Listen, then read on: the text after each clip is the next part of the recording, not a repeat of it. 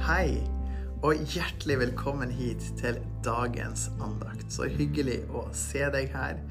Takk for at du tar deg tid til å sjekke ut det her. Det er så utrolig fint. Og vi skal snakke om temaet i dag som, for, som handler om ansikt til ansikt med Gud. Så det blir bra. Så Skal vi bare begynne med å be litt. Kjære far, jeg takker for enhver lytter akkurat nå. Jeg ber du skal fylle han opp med din kjærlighet, med din godhet, og takk for at du er med. Takk for at vi kan få lov til å hvile i deg, Herre, og vet at du er, at du er trygg for oss. Vi kan få lov til å kjenne oss nær deg, og vet at du er med oss. Jeg ber om din godhet og velsignelse for enhver person som ser på, at du skal fylle opp personen med alt personen trenger. Både av din kjærlighet, din styrke, og komme nærmere deg og ditt hjerte, Herre. Jeg ber også at vi skal få åpen møte med deg, Herre. Ansikt til ansikt møte med deg, Herre. Og få lov å bli kjent med deg på dypet. Mer og mer og mer. Vi ber for det i ditt mektige navn, Jesus. Amen. All right, da setter vi i gang her. Ansikt til ansikt med Gud. Johannes 14, 21. Den som har mine bud og holder dem, han er den som elsker meg. Og den som elsker meg, skal bli elsket av min far, og jeg skal elske ham og åpenbare meg for ham. Dagens vers er 2. Mosebok 33, 11. Herren talte med Moses ansikt til ansikt som en mann snakker med sin venn. Så vendte han tilbake til leiren, men medhjelperen hans, Josva, Nuns sønn, som, som er en ung mann, forlot ikke teltet. Dagens bibelkapitler er 3. Mosebok kapittel 6 og 7 og Mark og Lukas kapittel 8. Gud er så nær deg. Ikke nok med at han bor i deg, han ønsker å åpenbare seg for deg. Jesus forteller oss at om vi elsker ham, så vil vi motta Guds kjærlighet, og Jesus vil åpenbare seg for oss. Altså, Jesus snakker her om deg som person. Du har et løfte i Johannes 14, 21 på at Jesus vil åpenbare seg for deg. Ikke nøy deg med å leve Jesuslivet uten himmelsk, overnaturlige manifestasjoner. Gud som er ånd, er virkelig, og han ønsker å åpenbare seg for deg, møte deg personlig. I 2. Mosebok 33,11 leser vi om Moses som snakket med Herren ansikt til ansikt, slik en mann snakker med en venn. Dette er stort. Og hvis Moses som levde den gamle pakten, kunne ha et slikt intimt fellesskap med Gud, hvor mye mer kan ikke vi det som lever i den nye pakten, der Gud er så nær oss at han bor i oss? Hva skal vi si til dette? La oss si ja. La oss ønske Gud velkommen inn i våre liv, til vår hverdag, slik at vi kan oppleve tegn, under, mirakler, syner, henrykkelser, bibelske transer, englebesøk fra himmelen. Som troende er du en arving. Du er en sønn. Du er elsket av din himmelske far, og du har fått tilgang til nådens trone. Du kan med frimodighet stille deg framfor Guds trone. Hebreerne 4,16. La oss derfor komme fram til nådens trone med frimodighet. Begynn med å vekke opp lysten i ditt indre om å se Gud ansikt til ansikt. Jeg har selv venner som har fått personlig åpenbaring av Jesus selv, der de har fått sett Jesus. Slipp Jesus til deg i hverdagen. Gud er ånd, og han er usynlig, men du kan posisjonere deg til å møte, kjenne og erfare Jesus ansikt til ansikt. Spørsmål du kan stille deg. Hvordan kan du posisjonere deg til å gå dypere med Gud? Hva tenker du om å snakke med Gud ansikt til ansikt? Også ord fra, ord fra Herren tar det her til deg som at Jesus snakker direkte til deg. Jeg er alltid nær deg, og jeg ønsker å åpenbare meg for deg. Søk mitt åsyn, mitt ansikt, mitt rike, og du vil finne meg. Jeg ønsker å møte deg. Jeg ønsker at du skal få oppleve meg. Jeg bor i deg. De rene av hjerte skal få se Gud. Jeg inviterer deg til et enda dypere fellesskap med meg, der du kan erfare meg, fysisk kjenne at jeg er nær deg. Jeg er din elsker, din frelser. Jeg er din Gud, og jeg er din venn. Amen. Her var andakten som vi hadde for i dag, så veldig koselig at du hørte på det. Og så skal vi bare ta noen minutter og kommentere det, og så skal vi lese videre i Skriften. Da i Tredje Mosebok og Lukas her. Så det blir kjempefint. Så ansikt til ansikt med Gud. Hva vil det si for deg egentlig? Det vil si at vi har faktisk mulighet til å møte Gud ansikt til ansikt. Gud er ikke en person som er langt borte fra oss. Nei, han er nær oss. Han valgte å være så nær oss at han sier her i Johannes 14, 21 at den som har mine bud og holder dem, han er den som elsker meg. Og den som elsker meg, skal bli elsket av min far, og jeg skal elske ham og åpenbare meg for ham. Tenk at han sier de tingene her. Så han sier at vi skal få lov til å få en åpenbaring av Gud, få åpenbaring av Jesus, få se Jesus. Altså, når vi elsker Gud og følger Han, så er det sånn at eh, da blir vi elska av Gud far. Og så skal Jesus elske oss og åpenbare seg for oss. Og Det er et løfte i Skriften her du kan ta til deg. Når det er i Bibelen, så kan du fighte og bare si 'Jeg skal ha det'. Jeg skal ha det gjennombruddet. Jeg står på. Jeg ser verset her. Jeg ser hva som står her. Så bare, bare liksom vær desperat etter Gud. Lengt etter Han. Rop på Han. Søk Han. står det at dersom du søker Herren med hele ditt hjerte, så skal du finne Han. Amen. Og Gud, han er nær. Og han er liksom ikke sant? Han er i en åndelig dimensjon, kan du også si, men også nær oss. Han bor i oss. Og Bibelen er fullstappa med løfter om å søke Jesus, være med Jesus, og åpenbaringer og kjennskap til Den hellige ånd, nådegaver. Og så det med intime fellesskapet, med ansikt-til-ansikt-kontakt med Gud.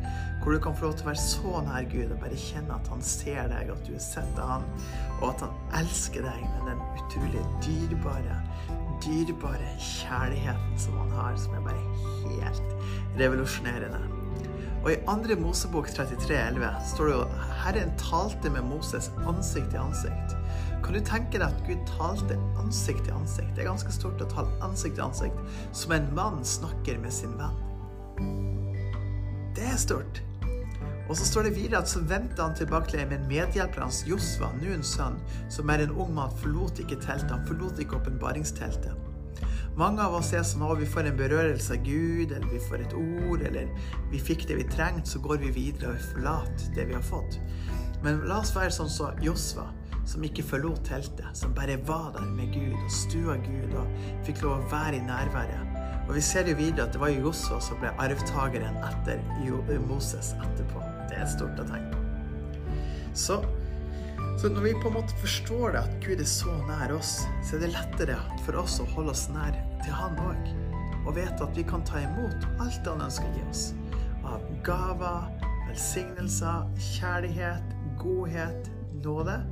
Og at Han ser på oss med en perfekt kjærlighet gjennom Jesus. Og når vi er troende, så er det jo sånn at da har vi fått Den hellige ånd som pant i våre hjerte. Og vi kan posisjonere oss til å virkelig ha møter med Gud sånn på dypet, Få lov til å se Han, erfare Han, kjenne Han, og rett og slett få lov å kjenne hvordan Jesus fyller oss opp med ny, frisk olje og kraft til hverdagen, til gjøremål og til det som vi gjør, rett og slett, i livet. Så noen av de spørsmålene var det her hvordan kan du posisjonere deg til å gå dypere med Gud? Det er jo litt sånn hvordan kan man gjøre det egentlig? Jo, én ting er å ha lovsang hjemme i huset ditt. Ha på masse lovsang. Spill lovsangsmusikk hjemme. Sånn at det er liksom attraktivt for Guds rike vet du, å bare invadere hjemmet ditt. Så kan du også rett og slett posisjonere deg til å gå dypere med Gud med å ønske ham velkommen. Takke han. Eh, takke Jesus daglig. Takke Gud. Vær med Den hellige ånd. Bruke fellesskap med han. Og du posisjonerer deg til å gå dypere òg ved å lese i ordet. Ved å lese i Bibelen så går du dypere med Gud. Fordi at du leser, og så tar du rett og slett og ser på det du har lest. Så kan du meditere på løftene. Så kan du si 'Jeg vil gå enda dypere'. 'Jeg vil gå dypt'. 'Jeg vil gå dypere'. Og jeg vet ikke helt hva du tenker om det med å snakke med Gud ansikt til ansikt, men du kan begynne allerede i dag. Selv om du ikke ser han, så kan du bare si 'Gud, jeg sitter her, og jeg vet du er så nær meg'. Hvordan har du det i dag? Takk for at du elsker meg. Kan du ta vare på meg i dag? Kan du passe på meg i dag? Kan du være meg nær? Kan du se til meg hvordan jeg har det? Så du kan ha samtaler med Gud. Tenk det. Så kan du få lov til å være nær han. Bare fortsett å søke han. Søk Guds rike. Du skal finne, står det i Skriften. Ok, nå skal jeg be en bønn for deg, så legg hånda di på hjertet, så skal jeg be. Kjære far, jeg takker deg, Jesus, for alle de som er sultne og lengtende etter deg. De som har lyst til å ha et møte med deg, erfare deg og kjenne deg og se deg ansikt til ansikt. Jeg ber Jesus at du åpenbarer deg for mange, Herre Jesus, ansikt til ansikt, så vi kan få lov til å se deg, til å erfare deg, til å være nær deg, og til å få lov til å se hvordan du ser oss med en sånn utrolig dyp kjærlighet, Jesus. Jeg takker deg for din godhet. Takk for din nåde, takk for din kraft og takk for din ånd. Og du er så velkommen, Herre, til å fylle oss opp med ditt nærvær. Kom, Hellige Ånd. Kom, Hellige Ånd, og fyll oss opp. Kom, Hellige Ånd. Kom, Hellige Ånd, og styrk oss. Kom, Hellige Ånd, og bare kom over oss med kraft, med gjennombrudd, med ditt DNA, med din salvelse og kjærlighet. Amen. Jeg ber du skal legge en hunger og tørst og lengsel og sult etter alle her til å gå dypere med deg, Jesus. Vi ber om det i ditt mektige navn, Herre. Takk, Herre, for at du er med. Takk, Jesus, for din utrolige godhet. Amen. Yes, da skal vi lese videre i Bibelen, i Skriften. Så da skal vi gå og lese i Lukas kapittel 8. Tidligere leste vi Lukas 7, og nå skal vi lese i Lukas kapittel 8. Det er spennende å lese der.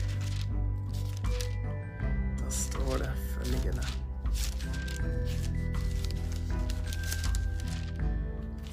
I Lukas kapittel 8 så står det om at mange kvinner som tjener, tjener Jesus. Det er kvinner som kommer og tjener til Jesus. Det står det om lignelsen om såmannen, som også er en veldig sterk lignelse. Lignelsen blir forklart. Lignelsen om lyset. Jesu mor og brødre kommer, står det. Det står det om vind og bølger som lyder Jesus. En demonbesatt som blir helbreda og ei pike som oppvekkes um, til live, og en kvinne som helbredes. Dette er jo hisnadder. Dette er råe ting som skjer. Så vi skal få lov til å lese det sammen akkurat nå. La oss begynne.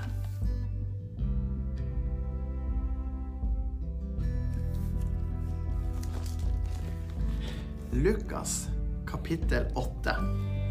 Mange kvinner tjener Jesus. Deretter gikk Jesus gjennom hver by og landsby, og han ropte ut og forkynte evangeliet om Guds rike. De tolv var med ham. Det var også noen kvinner som var blitt helbredet fra onde ånder og sykdommer. Maria, som ble kalt Magdalena, som sju demoner var kommet ut av, og Johanna, kona til Kusa, Herodes, forvalter, og Susanna og mange andre som tjente ham med det de eide. Lignelsen om såmannen.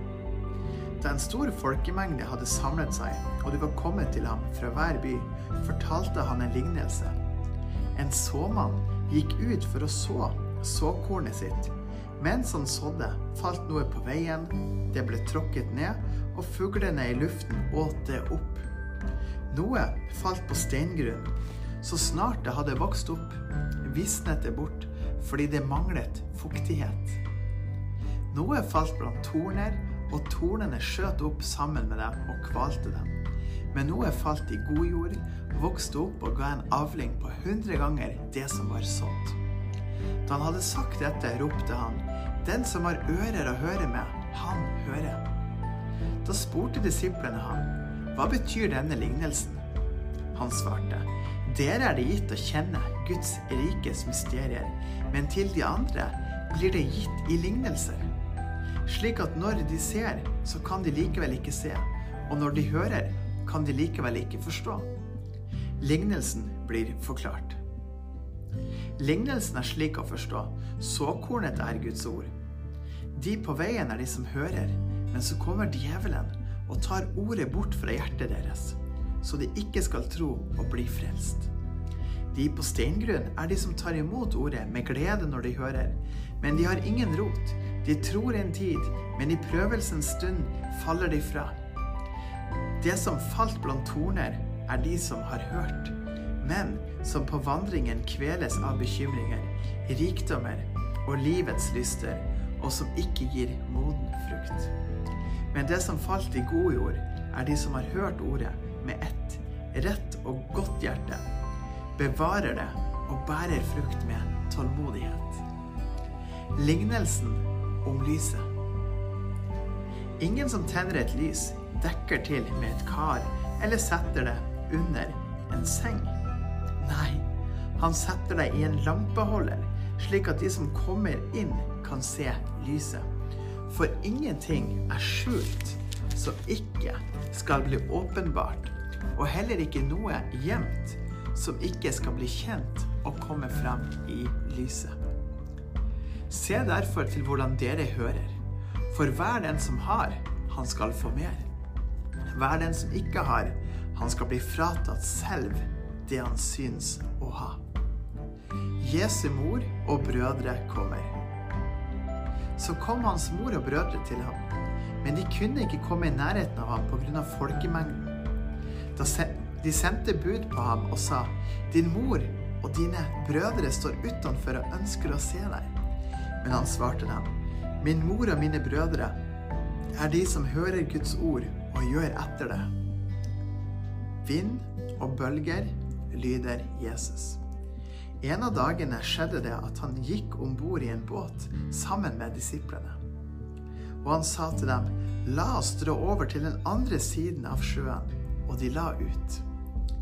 Men mens de seilte, sovnet han, og en stormvind for over sjøen, så båten holdt på å bli fylt av vann, og de var i fare. De kom bort til ham, vekket ham og sa, Mester, mester, vi går under. Da reiste han seg og truet vinden og de mektige bølgene, og de la seg, og det ble helt stille. Han sa til dem, Hvor er deres tro? De undret seg og sa til hverandre, Hvem kan han være? For han bryr for han byr til og med vindene og vannet, og de adlyder ham. En demonbesatt blir helbredet. Så seilte de til Gardarenas område, Gerasener-området, som ligger rett overfor Galilea. Da han gikk i land, ble han møtt av en mann fra byen, og som hadde vært besatt av demoner i lang tid. Han gikk uten klær og bodde heller ikke i hus, men gravene. Da han fikk se Jesus, skrek han, falt ned for ham og ropte høyt. Hva har jeg med deg å gjøre, Jesus, sønn av den høyeste Gud? Jeg ber deg, ikke pin meg. Jesus hadde befalt den urene ånden å komme ut av mannen, for denne ånden hadde ofte grepet tak i ham. Mannen hadde blitt satt under bevoktning og bundet med lenker og fotjern men han brøt båndene og ble drevet ut i ødemarken av demonen. Jesus spurte ham, 'Hva er ditt navn?' Han svarte, 'Legion', for det var mange demoner som var kommet inn i ham. De tryglet Jesus om at han ikke skulle befale dem å fare, fare ut og ned i avgrunnen. Nå var det en stor flokk med griser som beitet der på fjellet. Demonene ba ham om å få lov til å fare inn i dem. Han lot dem få lov til det. Så for demonene ut av det mennesket og inn i grisene. Og flokken styrtet nedover bratthenget, ut i vannet og druknet. Da de som gjette grisene, så hva som skjedde, flyktet de og fortalte om det i byen og i hele distriktet. De gikk ut for å se hva som hadde skjedd, og de kom til Jesus. Der fant de mannen som demonene hadde fart ut av han satt ved Jesu føtter, påkledd og frisk til sinns, og de ble redde. De som hadde sett det, fortalte dem da hvordan den demonbesatte var blitt helbredet. Hele folkemengden fra Gardarenes-området ba da Jesus om å få dra bort fra dem, for de var grepet av stor frykt. Han gikk i båten og vendte tilbake. Mannen som demonene hadde forlatt, ba om å få være med ham men Jesus sendte ham bort og sa, Vend tilbake til ditt eget hus og fortell hvilke store ting Gud har gjort for deg. Og han gikk av sted og forkynte over hele byen hvor store ting Jesus hadde gjort for ham. En pike oppvekkes, og en kvinne helbredes. Da Jesus vendte tilbake, ønsket folkemengden ham velkommen, for alle var der og ventet på ham. Se, det kom en mann som het Jairus som var forstander for synagogen. Han falt ned for Jesu føtter og ba ham om å komme til sitt hus, for han hadde en eneste datter på omkring tolv år. Og hun lå for døden. Mens han gikk, trengte folkemangelen seg inn på ham.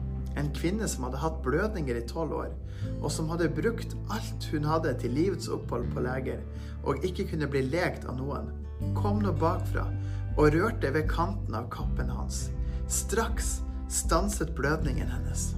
Jesus sa, Hvem var det som rørte meg? De alle nektet. Da alle nektet, sa Peter og de som var med ham, Mester, folkemengden trenger på og presser deg, og du sier, Hvem var det som rørte ved meg? Men Jesus sa, Noen var det som rørte ved meg, for jeg merket at det gikk kraft ut fra meg. Da kvinnen innså at hun ikke kunne skjule seg, kom hun skjelvende og falt ned foran ham. Hun forklarte for ham, foran hele folket, grunnen til at hun hadde rørt ved ham, og hvordan hun ble helbredet med det samme. Og han sa til henne, Datter, vær ved godt mot, din tro har frelst deg, gå bort i fred. Mens han fremdeles talte, kom noen fra synagogeforstanderens hus og sa til ham, Din datter er død. Bry ikke mesteren mer.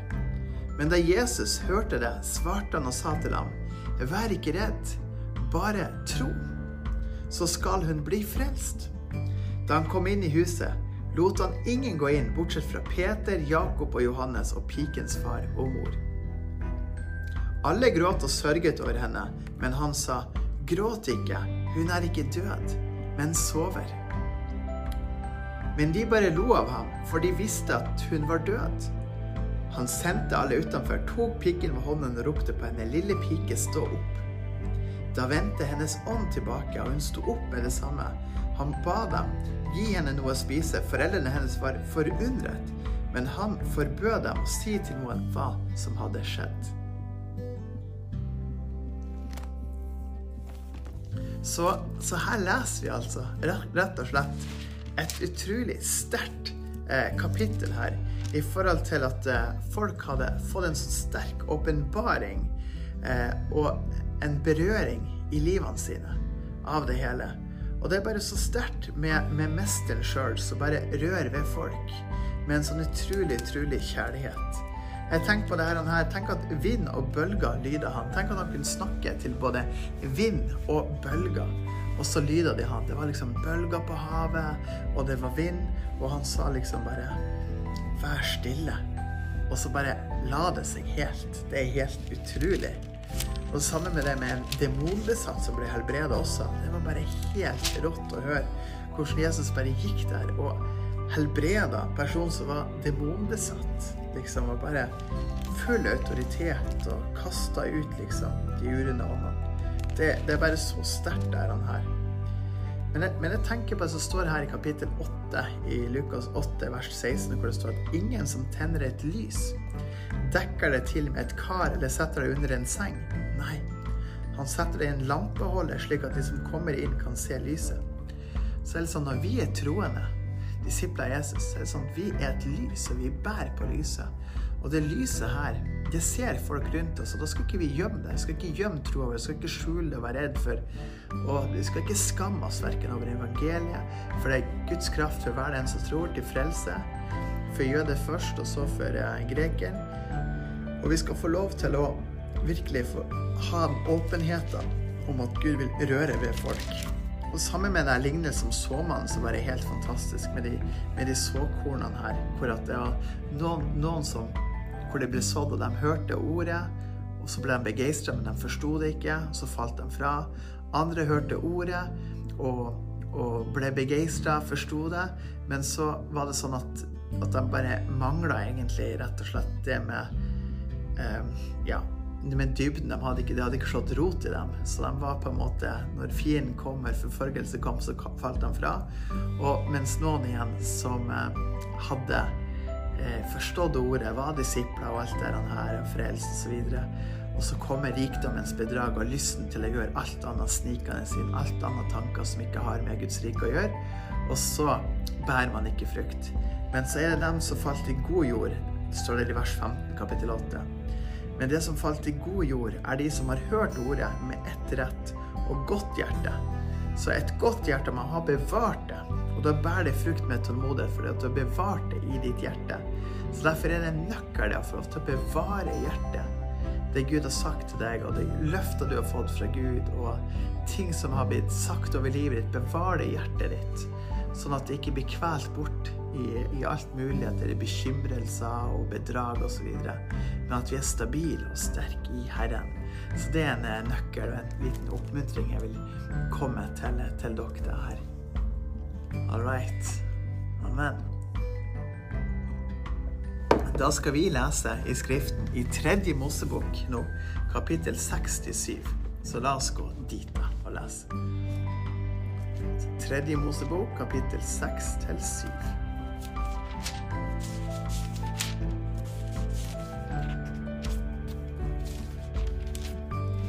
Da skal vi lese her om loven om brennofferet. Vi lese om. Vi skal lese om loven om grødeofferet. Skal òg lese om loven om syndofferet. Så kapittel 7 skal vi lese om loven om skyldofferet, loven om fredsoffer. Fett og blod kan ikke etes, skal vi lese om. Og så skal vi lese om Arons og hans sønners del av offeret. Så egentlig det vi skal ta og lese nå i tredje Mosebok. Så har du Bibel, les med meg. Hvis ikke, så bare ta til deg der og lytt så er det òg kjempebra. Da setter vi i gang.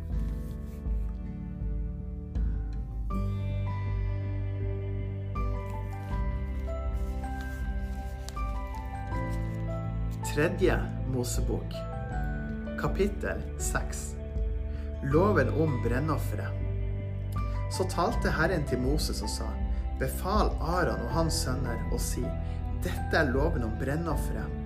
Brennofferet skal være over ildstedet på alteret hele natten og helt til morgenen, og ilden på alteret skal holdes brennende.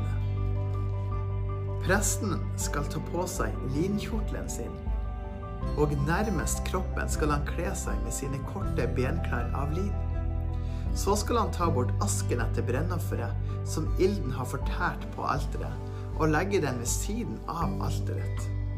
Deretter skal han ta av seg klærne ta på seg andre klær og bære asken utenfor leiren til et rent sted.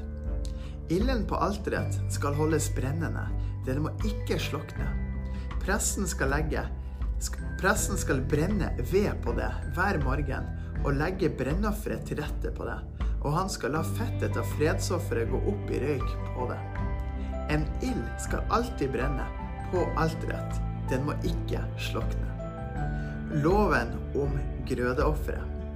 Dette er loven om grødeofferet. Arons sønner skal komme fram med det på alteret for Herrens ansikt. Han skal ta ut en håndfull av det fine melet i grødeofferet, sammen med oljen og røkelsen som er på grødeofferet. Og han skal la det gå opp i røyk på alteret, som en velbehagelig duft, som et påminnelsesoffer til Herren. Det som blir til overs, skal Aron og hans sønner spise. Det spises usyret og på et hellig sted. I forgården til åpenbaringsteltet skal de spise det. Det skal ikke bakes med surdeig. Det er den delen jeg har gitt av mine matoffer. Det er høyhellig, på samme måten som syndofferet og skyldofferet. Enhver av hannkjønn blant Arons barn kan spise det. Dette skal være en lov til evig tid for alle slekter etter deg, om Herrens matoffer Enhver som rører ved dem, skal være hellig. Og Herren talte til Moses og sa, Dette er offergaven Aron og hans sønner skal komme fram til Herren med den dagen de blir salvet. En tiendedel av en efa fint mel som daglig grødeoffer, halvparten av det om morgenen og halvparten av det om kvelden. Det skal lages til i en plate med olje. Når det er blandet, skal du føre det fram. De bakte stykkene av grødeofferet skal du komme fram med som en velbehagelig duft til Herren. Den som er salvet til prest i hans sted blant hans sønner, skal ofre det. Det skal være en evig lov for Herren. Det skal gå helt opp i røyk. For hvert grødeoffer fra en prest skal være et heloffer det skal ikke spises. Loven om syndofferet. Herren talte også til Moses og sa, Tal til Aron og hans sønner og si, Dette er loven om syndofferet. På det stedet der brennofferet slaktes, skal syndofferet slaktes for Herrens ansikt. Det er høyhellig. Presten som ofrer det for synd, skal spise det. På et hellig sted skal det spises, i forgården til åpenbaringsteltet. Hver den som rører ved kjøttet, skal være hellig. Når blodet av det blir eh, stenket på et klesplagg, skal du på et hellig sted vaske det som ble bestengt. Men det leirkaret som kjøttet blir kokt i, skal knuses. Hvis det blir kokt i et kar av bronse, skal det både skures og skylles med vann. Enhver av hannkjønn blant prestene kan spise det. Det er høyhellig. Men hvis blodet av et syndoffer er ført inn i åpenbaringsteltet for å gjøre soning i helligdommen, skal syndofferet aldri spises. Det skal brennes på ilden.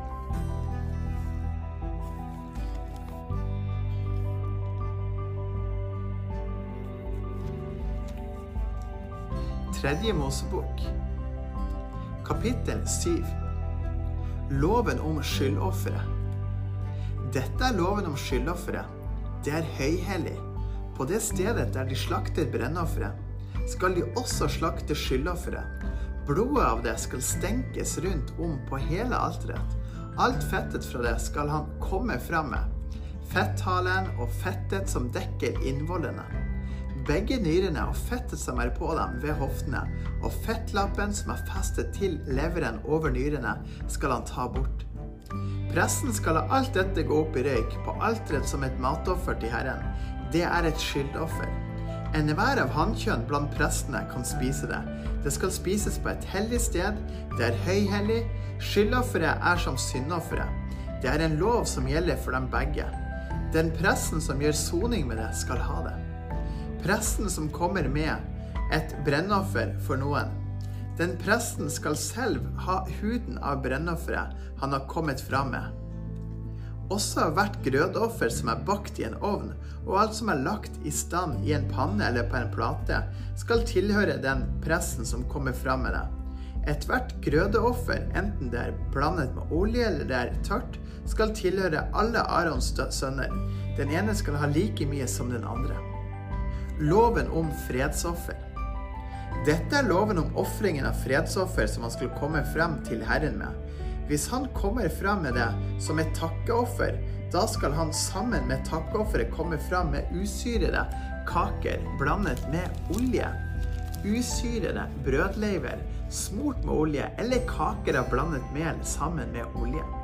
Sammen med takkeofferet som fredsoffer skal han komme fram med syret brød som sin offergave. Fra dette skal han komme fram med en kake fra hver offergave som en gave til Herren. Det skal tilhøre den presten som stenker blodet fra fredsofferet. Kjøttet av fredsofferet, som bæres fram til takkoffer, skal spises samme dag som det blir ofret. Han skal ikke la noe bli igjen til neste morgen, men hvis det offeret han kommer fram med, er et løfteoffer eller et frivillig offer, skal det spises sammen skal det spises samme dag som han kommer fram med offeret sitt. Men neste dag kan også det som er til overs av det, spises. Den tredje dagen må det som er til overs av offerkjøttet, brennes med ild. Hvis noe av kjøttet fra fredsofferet hans likevel spises på den tredje dagen, skal det ikke finne velbehag. Han som kommer fram med det, får det ikke tilregnet. Det skal være urent, og den som spiser det, skal bære sin misgjerning. Det kjøttet som kommer nær noe urent, skal ikke spises. Det skal brennes opp med ild. Når det gjelder annet kjøtt, kan alle som er rene, spise slikt kjøtt. Men den som spiser kjøtt fra et fredsoffer som tilhører Herren, menes han er uren. Han skal utryddes av sitt folk. Og en som rører ved noe urent, enten menneskelig urenhet, et urent dyr eller hva som helst avskyelig og urent, og som deretter spiser kjøtt av et fredsoffer som tilhører Herren, han skal utryddes av sitt folk. Fett og blod skal ikke etes. Herren talte til Moses og sa, tal til Israels barn og si, Fettet av okse, sau eller geit skal dere ikke spise. Og fettet fra et selvdødt dyr og fettet av et ihjelrevet dyr kan brukes til hva som helst. Men du må ikke spise det. For hver den som spiser fettet av et dyr som mennesker kommer frem med som matoffer til Herren og spiser det, skal utryddes av sitt folk. Dere skal ikke spise blod hvor dere enn bor, verken av fugler eller av dyr. Enhver som spiser noe slags blod, han skal utryddes av sitt folk. Arons og hans sønners del av offeret. Så talte Herren til Moses og sa, Tal til Israels barn og si, Den som kommer fram med et fredsoffer til Herren, skal føre frem offergaven sin til Herren av fredsofferet sitt. Hans egne hender skal føre frem matofferet til Herren. Fettet sammen med brystet skal han føre frem, så brystet kan løftes som et løfteoffer for Herrens ansikt. Presten skal la fettet gå opp i røyk på alteret, men brystet skal tilhøre Aron og hans sønner. Også det høyre låret skal dere gi presten som en gave for fredsofferet deres. Den blant Arons sønner som kommer fram med blodet fra fredsofferet og fettet, skal ha det høyre låret som sin del. For brystet av løfteofferet og låret av gaven har jeg tatt fra Israels barn, fra fredsofrene deres, og jeg har gitt alt dette til presten Aran og hans sønner fra Israels barn som en evig lov. Dette er den innviede delen som Aron og hans sønner skal ha fra Herrens matoffer. Den som ble gitt den dagen de ble stilt fram for å være prester for Herren. På den dagen Herren salvet dem, befalte han at dette skulle gis dem av, he, av, he, av Israels barn som en evig lov for hele etterslekten. Dette er loven om brennofferet, grødofferet, syndofferet, skyldofferet, innvielsesofrene og fredsofferet, som Herren bød Moses på Sinai-fjellet den dagen han befalte Israels barn å komme frem med offergavene sine til Herren i Sinai-ørkenen.